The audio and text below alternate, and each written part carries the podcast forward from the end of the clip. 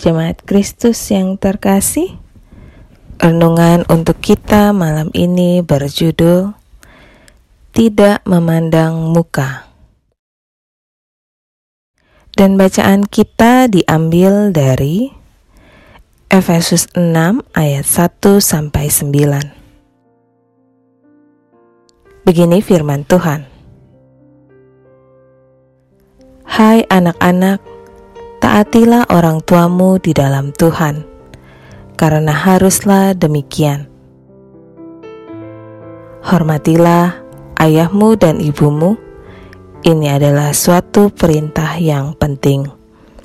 Seperti yang nyata dari janji ini, supaya kamu berbahagia dan panjang umurmu di bumi. Dan kamu, bapak-bapak, Janganlah bangkitkan amarah di dalam hati anak-anakmu, tetapi didiklah mereka di dalam ajaran dan nasihat Tuhan. Hai hamba-hamba, taatilah Tuhanmu yang di bumi dengan takut dan gentar, dan dengan tulus hati, sama seperti kamu taat kepada Kristus. Jangan hanya di hadapan mereka saja untuk menyenangkan hati orang, tetapi sebagai hamba-hamba Kristus yang segenap hati melakukan kehendak Allah dan yang dengan rela menjalankan pelayanannya seperti orang-orang yang melayani Tuhan dan bukan manusia.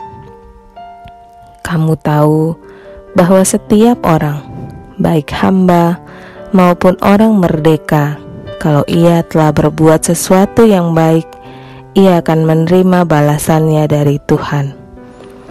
Dan kamu, tuan-tuan, perbuatlah demikian juga terhadap mereka, dan jauhkanlah ancaman.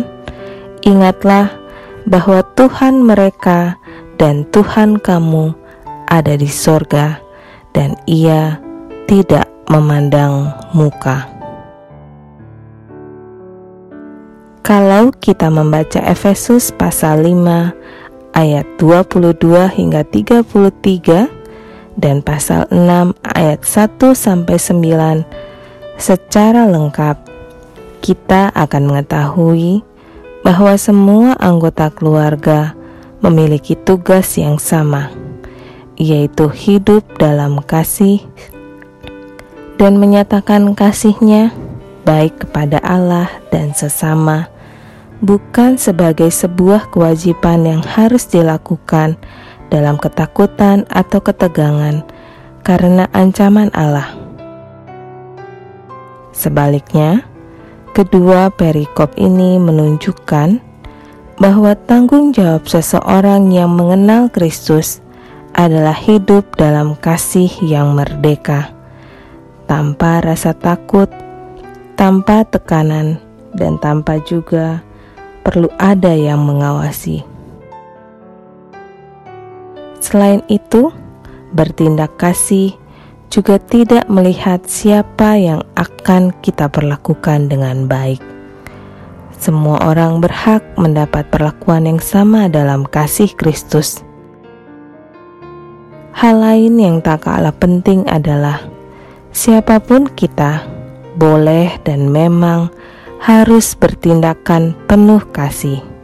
Tidak peduli apa latar belakang kita, bagaimana kehidupan kita di masa lalu, dari mana kita berasal, bahkan dari keluarga seperti apa kita lahir. Itu semua tak akan menjadi batas untuk kita dapat menyatakan dan bertindak dalam kasih Allah. Hal yang paling sederhana yang dapat kita rasakan saat bertindak baik adalah orang-orang yang menerimanya juga akan memperlakukan kita dengan baik. Ya, walaupun dalam beberapa kesempatan selalu ada orang yang tidak dapat berterima kasih dan menyadari bahwa ia sudah diperlakukan baik.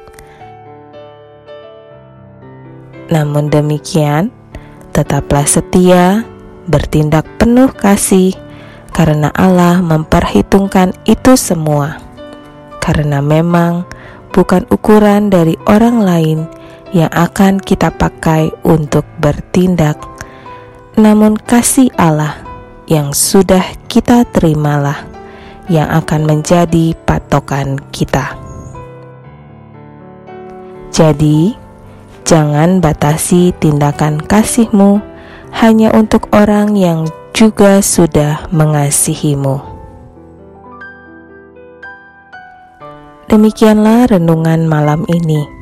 Semoga damai sejahtera dari Tuhan Yesus Kristus tetap memenuhi hati dan pikiran kita.